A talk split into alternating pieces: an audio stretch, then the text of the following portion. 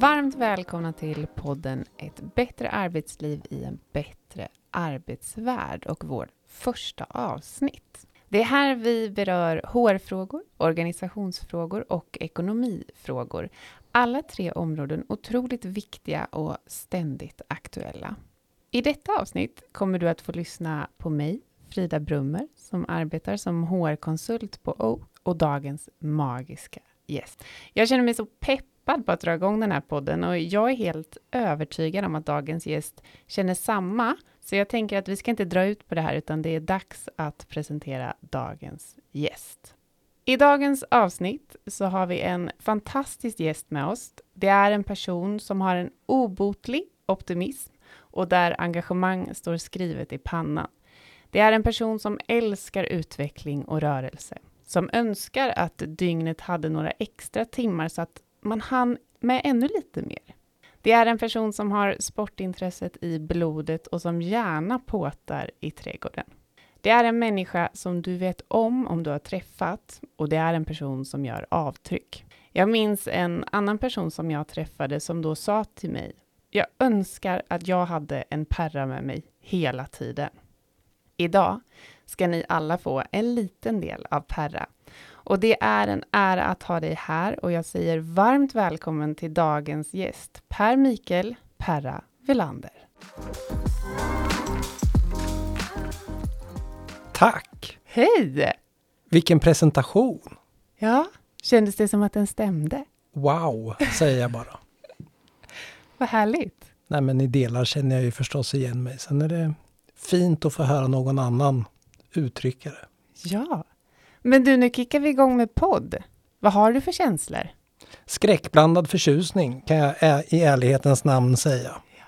Det här har ju varit på tapeten för oss en tid att få prata om det som vi brinner för lite mer och på fler ställen.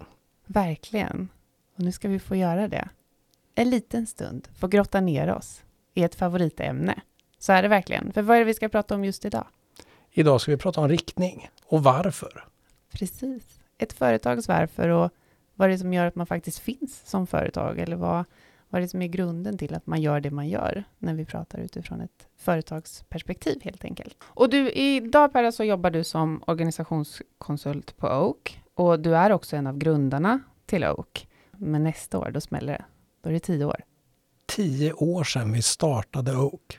Det känns nästan ofattbart att det har gått så fort. Ja. Hur ska du fira nästa år? I 365 dagar kommer jag fira. På olika sätt. Jag vet inte riktigt hur än. Vi får se. Spännande. Det tycker jag absolut att du ska göra. Hela året ska vara ett firande. Det tycker jag låter jättebra. Och jag vet att det vi ska prata om, det är ett riktigt favoritämne för dig. Det är någonting som du verkligen på riktigt älskar och brinner för. Vad, vad grundar det sig i att det här är så intressant att prata om? För att det är så oerhört viktigt. Det är, så, det är helt avgörande skulle jag säga att veta varför man finns. Vad är det som vi ska åstadkomma? Och, alltså riktningen är otroligt viktig. Den är grunden för alla verksamheter. Så är det verkligen. Och jag vet att i början när jag lärde känna dig så berättade du att du, du har aldrig en dålig dag. Du tycker alltid att det är roligt att gå till jobbet. Och så kan man ju tänka så, äh, han överdriver nog lite. Så kan det inte vara. Men det är ju sanningen. Du tycker att det är fantastiskt roligt varje dag, året runt. Visst är det så? Ja, jag har världens bästa jobb. Vad är det som gör att du har världens bästa jobb? Det är ju de fina verksamheter som vi får vara ute i. Jag känner mig lyckligt lottad då jag mer eller mindre varje dag, lite som ett barn, att man får träffa alla dessa fina företag, alla fina, duktiga, kompetenta människor och få bidra lite, lite grann. Tydliggöra vissa saker, att se sammanhangen, hitta lite verktyg att utvecklas, göra det ännu lite bättre. När känner du extra så här, yes, nu satt den, eller nu, liksom, nu blir det extra bra? Det är en svår fråga. Jag tycker att jag känner det så ofta. Men någonting som jag ofta kommer tillbaka till är att jag tycker mig kunna se det i ögonen på dem som jag jobbar med och pratar med. Alltså lite när poletten trillar in eller när aha-upplevelsen uppstår. Så då känner jag att jag är med och gör skillnad. Så när det verkligen landar hos mottagarna, då känns det så här, ja men nu, nu blev det riktigt bra. Verkligen, och så känns det ju förstås kul när, när man kommer tillbaka och man får se att saker och ting har hänt och de tillfällen när våra, de som vi jobbar med och för, också kan uttrycka det. Att det har hänt en massa saker och vilken skillnad som den här perioden har gjort eller att det är tydligare, att det känns bättre, att det har blivit enklare eller... Verkligen, för det är lätt också att bli hemmablind när man jobbar på och man, man kanske inte ser allting som sker i sin verksamhet och då behöver man de där extra ögonen eller extra kunskapen för att faktiskt göra en förändring eller en utveckling. Så det är ju viktigt att få olika perspektiv. Men jag tänker att vi ska börja lite med det vi ska prata om idag. Vi ska prata om ett riktning, företagets varför.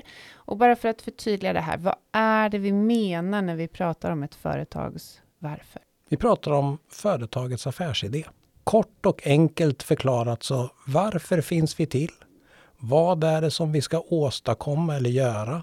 För vem eller vilka? Och på, inom vilket område? Det som ringar in våran existens. Det som tydligt berättar vad det är som vi ska göra varje dag. Vad är det som gör då att det här området är så viktigt och avgörande för företag, skulle du säga? Hur ska vi annars veta vad vi ska göra? Det är ju helt avgörande kopplat till alla medarbetare i verksamheten att vi vet varför vi finns till. Vi finns till för de här för att vi ska åstadkomma det här. Många gånger så tycker jag att jag möter duktiga människor i fina verksamheter men som kanske inte riktigt har kontakt med vad viktiga de är i ett större perspektiv. Det kan vara lätt att stå på en industri och, och, man skruvar in skruvar och bygger ihop saker och ting. Men man har kanske tappat kontakten lite grann med vart används de här sakerna som vi skruvar ihop? Vad är skillnaden som våra maskiner faktiskt gör i samhället i stort? Eller kopplat till sjukvården eller till skolan. Alltså att det är så mycket större än vad vi många gånger tänker på och ser i vardagen. Där är ju affärsidén eller verksamhetsidén otroligt viktig att vara grundad i. Verkligen. Jag vet att du innan här har berättat om en historia om ett företag som jobbade med, rätta mig om jag har fel nu, om jag tror det var skrivmaskiner. Där det var väldigt tydligt vad man skulle göra. Men där hände ju verkligen någonting. Kan du dra den lite, lite snabbt så vi delar med oss av den här fina historien? Ja, men det är ju en, en, en känd historia som många återkommer till att fanns ett väldigt välkänt företag nere i Åtvidaberg med, med 1100 anställda som var världsledande på att tillverka skrivmaskiner och räknemaskiner. Alltså de var ju verkligen bäst i världen på det här. Och där var det väldigt tydligt att de ville vara bäst i världen och det var det som de skulle göra. Och de utvecklade och förfinade hela tiden de arbetssätten för att vara just bäst i världen på att tillverka de här maskinerna. Och då kommer vi in lite på det här med omvärldsanalys när vi hade samtalet. Och frågan är ju som man ska ställa sig ibland kopplat till sin affärsidé. Är det det här som vi borde vilja? För skrivmaskiner och räknemaskiner används inte riktigt på samma sätt idag. Det är mera applikationer i andra typer av verktyg idag. Och ser man att det händer saker och ting i världen så behöver vi också testa och fundera. Idén som gjorde att vi gick samman och startade det här en gång i tiden, bär den? Finns det nytta för den i framtiden? Och det är klart att i den takt som saker och ting förändras idag, där det går fortare och det kanske är till och med svårare att, att veta vad som kommer att påverka vad. Man pratar om den här VUCA-världen. Och då är det ju att ha en tydlig idé blir ännu viktigare Alltså var, varför finns vi? Vad ska vi åstadkomma och för vem och för vilka? Men att det också kanske måste ändras. Att det måste vara rörligare nutiden och framtiden än vad det har varit tidigare. Det finns ju många företag som är startade för flera hundra år sedan och som bygger på samma idé idag. Men där den idén kanske inte kommer bära i framtiden. Och då måste man ju ompröva det. Varför ska vi finnas då? Vad är det vi ska åstadkomma egentligen? Verkligen, så är det. Och utveckla sig så att man då hänger med i den förändringen som sker. Och vi kommer komma tillbaka lite mer till det här med omvärldsbevakning för att det är så otroligt viktigt och intressant att prata mer om. Men om man skulle titta på det här med om man inte har ett tydligt varför, vad skulle effekterna kunna bli då för ett företag eller kanske utfallet om man inte har det? Det ser vi ju på ganska många ställen ändå, tänker jag. Medarbetare som inte riktigt vet vad de ska göra, svårt att prioritera. Man blir splittrad, man vill göra väldigt mycket saker. Vi får ett väldigt brett erbjudande för det är så mycket saker som vi vill göra. Det är inte så tydligt varför vi finns. Till och med medarbetare som kanske står stilla. Därför i vilken riktning ska jag gå? Jag vet inte vad jag ska lägga min tid på. Vad är det som är mest värdeskapande egentligen? Så det finns ju en mängd exempel på det tycker jag.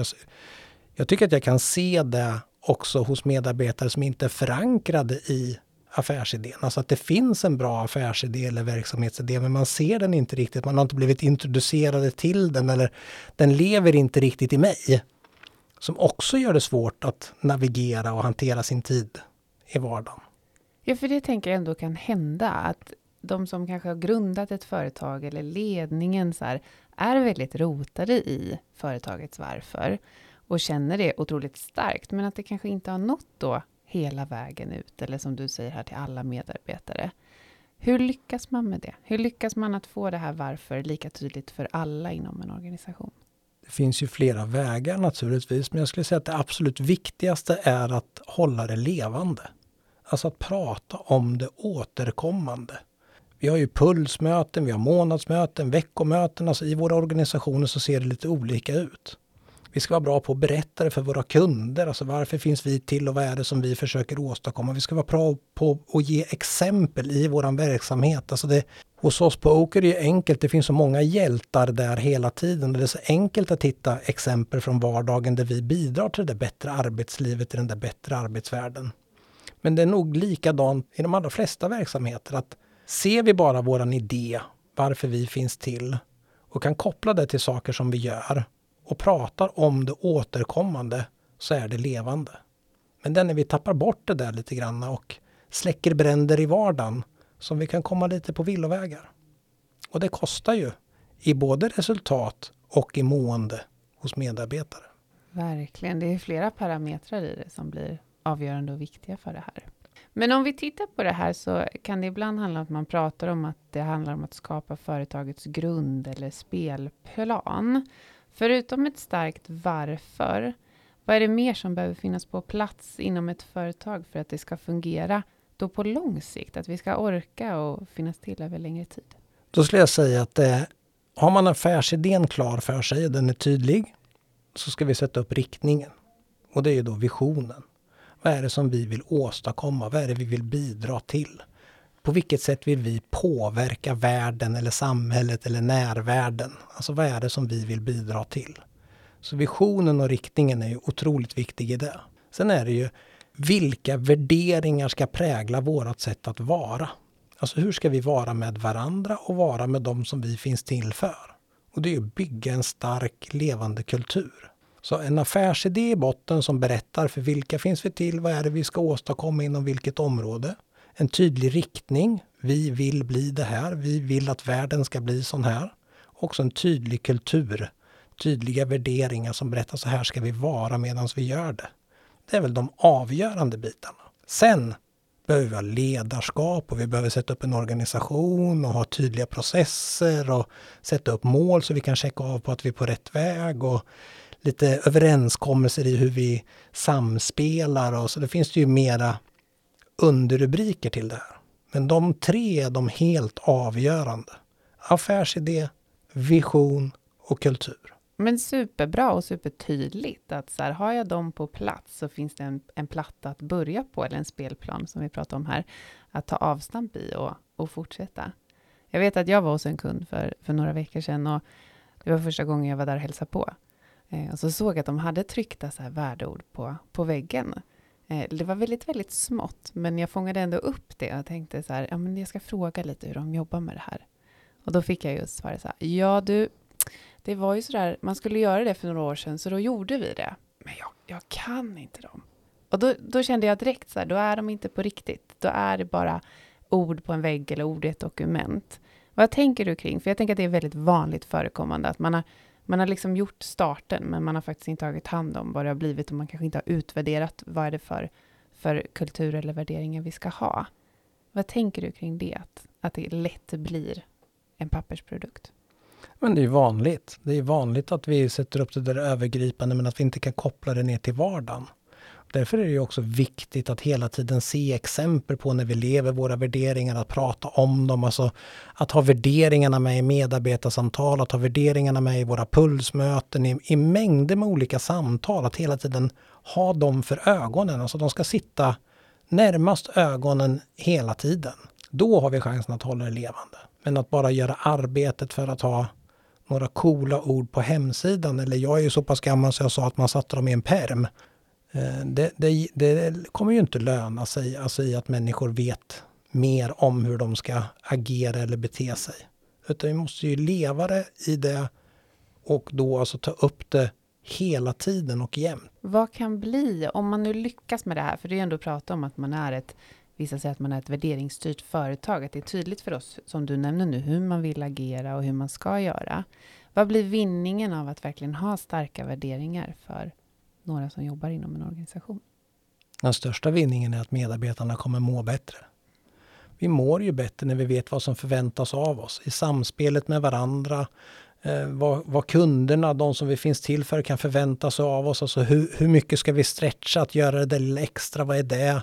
Eh, hur ska vi prioritera? Det är lättare att stå för prioriteringar om det är tydligt vilka värderingar vi har. Då behöver jag inte ha dåligt samvete heller för det, för att det är så här vi har bestämt, det är så här vi ska göra. Därför gör vi så här. Och det hjälper ju till i vardagen att veta hur jag ska agera eller vad som förväntas om man har den här tydliga affärsidén och tydliga visionen och kulturen att förhålla sig till. Så Det är ett, ett verktyg för alla medarbetare och chefer också, tänker jag. Och det blir ju först ett verktyg när det lever. Alltså om vi pratar om varför vi finns till och det är starkt förankrat i alla vi som jobbar i verksamheten, då är det lättare att använda det som stöd när jag ska prioritera, när jag ska fatta beslut. Vilken brand är den viktigaste att släcka? Om vi har klart för oss vart vi ska så kan jag hela tiden mäta det jag gör. Om det hjälper oss dit vi ska eller inte. Då blir det verkligen ett stöd i vardagen i de här vardagsprioriteringarna som är det vi utsätts för. Men också värderingarna.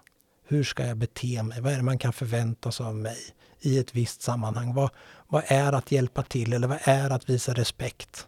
Alltså hur, hur är man då hos oss? Det hjälper oss i valen som vi står inför hela tiden. Så för att fånga här lite då, för att få det levande och för att göra det tydligt för alla i organisationen så behöver de här delarna komma på tal ofta, återkommande, så att det är på agendan. Har jag förstått det rätt då? Hela tiden. Varje aktivitet som vi gör varje dag kan vi knyta till något av det här. En viktig del i ledarskapet. Att faktiskt återkoppla att det vi gör är, har stöd i värderingarna eller riktningen. Det är superbra.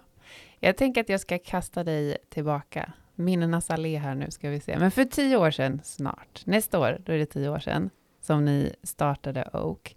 Hur gick det till då? När ni liksom skulle sätta er spelplan?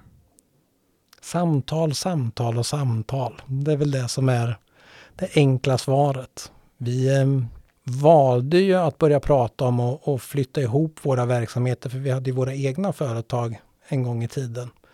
Eh, men såg ju styrkan hos varandra och att vi blev bättre tillsammans. Men kanske framförallt också för att vi brann för samma saker. Och, och i de samtalen när vi frågar men vad är det vi brinner för egentligen? Så blev det ju till slut väldigt tydligt. Och det är ju att bidra till det där bättre arbetslivet, till den bättre arbetsvärlden. Vi gillar resultat. Vi gillar att se organisationer och verksamheter åstadkomma saker i vårt samhälle. Vi gillar människor. Jag får ju tala för Magnus och Helena nu naturligtvis, men det är väldigt tydligt att vi lever livet nu. Och så vitt vi vet så får vi inte någon andra chans. Det är viktigt att vi tar tillvara på den här tiden en väldigt stor del av tiden lever vi på jobbet. Vi är alla värda att få må bra, trivas, få känna att vi bidrar, att vi är viktiga när vi är på jobbet. Och där har vi essensen i vad är det som vi förenas i. Att få bidra till det där bättre arbetslivet. Jättebra. Och det lever ju i allra högsta grad nu, tio år senare också. Ni ja. skapade ett fantastiskt start där och ett jättefint frö som har fått växa och blomma. Jag skulle nästan påstå att det lever starkare idag. Ja. Vad beror jag, det på? Vad, tänker du, vad är det som gör att du känner så?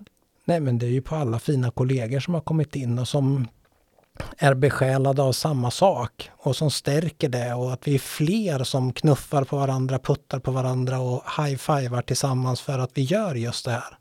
Så att, att vi är fler som gör det, som gör att vi nuddar ju varandra mer, kan ge fler exempel på att vi bidrar till det bättre arbetslivet. Så det har ju bara stärkts och blivit tydligare. Men du, om jag tänker lite då fördomsfullt här kanske. Men om jag jobbar inom en organisation så kanske jag har ett brinnande engagemang för den tjänst eller den produkt som man erbjuder. Jag kanske själv har startat bolaget och så har det växt. Och det kanske är jättetydligt för mig eller för oss vad vårt varför är. Men skulle du säga att det är avgörande och viktigt att även andra förstår vad syftet och vårt varför? Ja och nej. Eh, men, men egentligen så är det ju ett ja. Man behöver kanske, alla behöver kanske inte kunna repetera vår affärsidé eller vår vision eller liksom kunna det ordagrant. Men alldeles oavsett om du ska bli medarbetare i den här organisationen, den som någon då någon gång har brunnit för och startat upp, så måste vi brinna för samma sak. Alltså vad är det som jag ska börja på för ställe? Vad ska jag bidra till där? I vilket sammanhang finns vi? Så det är klart att alla medarbetare i den verksamheten behöver ju få en chans att köpa in sig på samma bild och på samma värderingar och veta vad man ger sig in i. Men naturligtvis utifrån kund och leverantörsperspektivet också. Vilka är det som vi ska samarbeta med nu? Vad kan vi förvänta oss av dem? Varför finns de till? Vad är det de vill faktiskt påverka i någon form av världs eller samhällsperspektiv? Så ja, det är ju avgörande. Om man ska välja en leverantör så vill man ju veta vilka de är och vart de är på väg.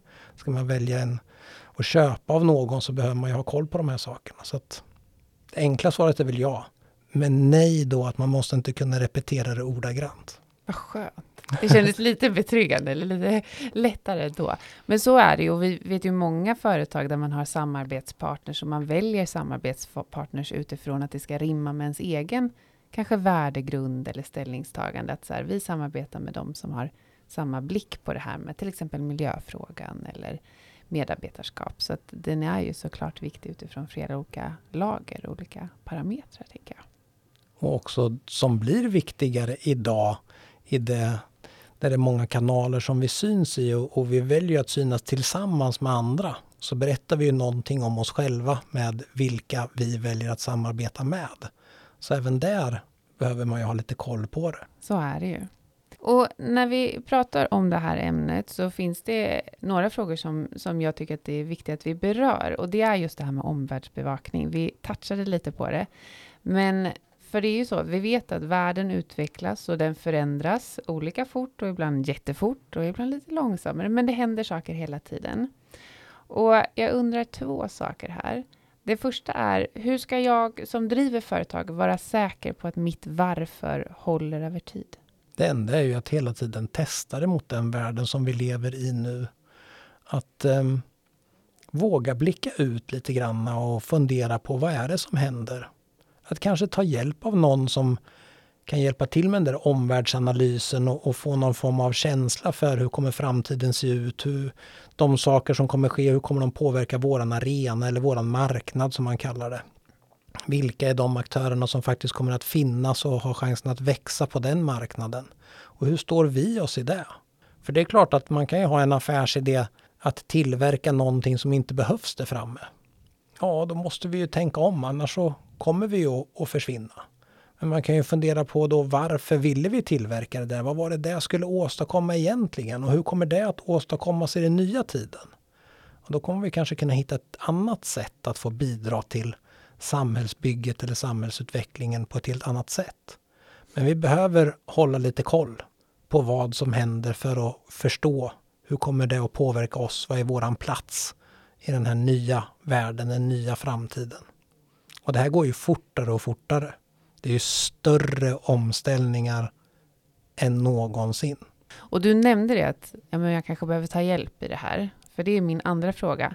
Hur ska jag liksom göra för att hålla mig uppdaterad? Som du säger, det går otroligt fort. Jag, jag har inte fler armar och ben än det här. Hur ska jag liksom hålla mig uppdaterad på vad som sker? Två saker tycker jag är särskilt viktiga. Det ena är ju att alla i organisationen som vi jobbar för behöver ju hålla blicken utåt ibland. Att spana, se vad är det som händer och försöka dra lite slutsatser av det som händer. Vi måste fortsätta att göra det för det finns ingen som har koll på allt. Men ju fler vi är som har koll på lite, desto mer har vi koll på. Det finns inte en person på jordklotet som vi kan fråga om hur kommer det se ut där framme i framtiden. För det är så mycket som händer och det är väldigt komplext och svårt att göra scenarion och dra slutsatser. Men om vi alla som jobbar i verksamheten ändå spanar lite grann och håller lite koll på vissa saker och att vi får utrymme att prata om det. Om det här händer, vad kommer hända då? På vilket sätt kommer det att kunna påverka oss? Hur kommer det påverka våra kunder, de vi finns till för? Då kan vi ju ha större möjligheter att, att navigera det här. Sen finns det ju faktiskt proffs på omvärldsanalys och omvärldsbevakning. Att ta in någon sån som leder en sån process i sin verksamhet ibland där man får lite extra energi, lite extra kraft. Som kanske kan inspirera att spana lite bortom det man brukar spana. Det tror jag också är viktigt. Och också att man har lite koll på vad omvärldsanalys faktiskt är. För det tycker jag det finns en massa missförstånd. Där jag har varit ute i några stora organisationer och frågat om de jobbar med omvärldsanalys och omvärldsbevakning och de har svarat jajamensan. Och så frågar jag hur de gör och så visar det sig att de kollar ju egentligen bara på konkurrenterna. Men det är ju inte att titta på omvärlden, det är ju att titta på närvärlden. Ja. Om du skulle hjälpa till att reda ut det här omvärldsbegreppet, vad i din värld är omvärlden? Omvärlden är alla de här stora sakerna som kommer kunna påverka våran marknad. Det kan vara politiska beslut som kommer att ställa om en marknad. Det kan vara krig som stänger ner eller öppnar upp marknader. Det kan vara stora sociala trender i vår livsstil som, som kommer att påverka. Det kan vara ekologiska, miljömässiga saker som kommer att ställa om eh, saker framöver. Så det är de här stora megatrenderna brukar man många gånger prata om. Att kunna dra slutsatser av det. Kommer det här att påverka våran arena, alltså marknad, eller inte? Och några av de här stora megatrenderna, när jag gick i skolan på 80-talet, 70 och 80-talet så pratade man om att industrialiseringen, den skedde ju när vi flyttade från landet in till städerna. Och att den där industrialiseringen satte då igång en urbanisering, alltså människor började flytta till städerna, att det där skedde då. Nu, 40 år senare, så är ju urbaniseringen starkare än någonsin. Alltså 2022 så flyttade det mer människor till de stora städerna än någonsin tidigare i världshistorien. Vilket är ju rätt så intressant. Och beroende då på vilken marknad man finns på så kommer det här påverka oss eller inte påverka oss. När du pratar om det nu så blir det ju väldigt komplext och som du säger, det går inte att hålla koll på allt så att man kommer ju behöva hjälp på ett eller annat sätt eller i alla fall vara fler som jobbar med den här frågan och hålla koll på vad händer i i närområdet men också i omvärlden, för båda två är viktiga för att fortsätta utvecklas och hänga med. Och det finns inte ett svar och det finns inte en människa som har alla svaren utan vi måste ständigt titta, spana, dra slutsatser, fundera på scenarion och sen anpassa oss. Och du, jag vet, eller jag är ganska övertygad om att du och jag kan sitta och prata om det här jättelänge. Men vi börjar liksom närma oss slutet och ska försöka summera ihop det här så att vi inte i all iver här pratar i flera timmar till utan att vi håller oss till sakfrågan. Eh, så jag tänker att vi ska börja runda av och summera och för att göra det på ett bra sätt så har jag tagit fram tre stycken punkter som ska summera dagens ämne och just det här med företagets varför. Och du ska få dela med dig av din respons och dina tankar kring de här tre sakerna.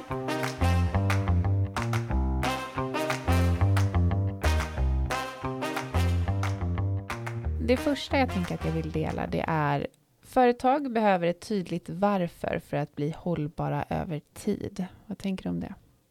Ja, helt klart så håller jag ju med om det. Om vi vet varför vi finns, det är då vi kan åstadkomma det och göra det.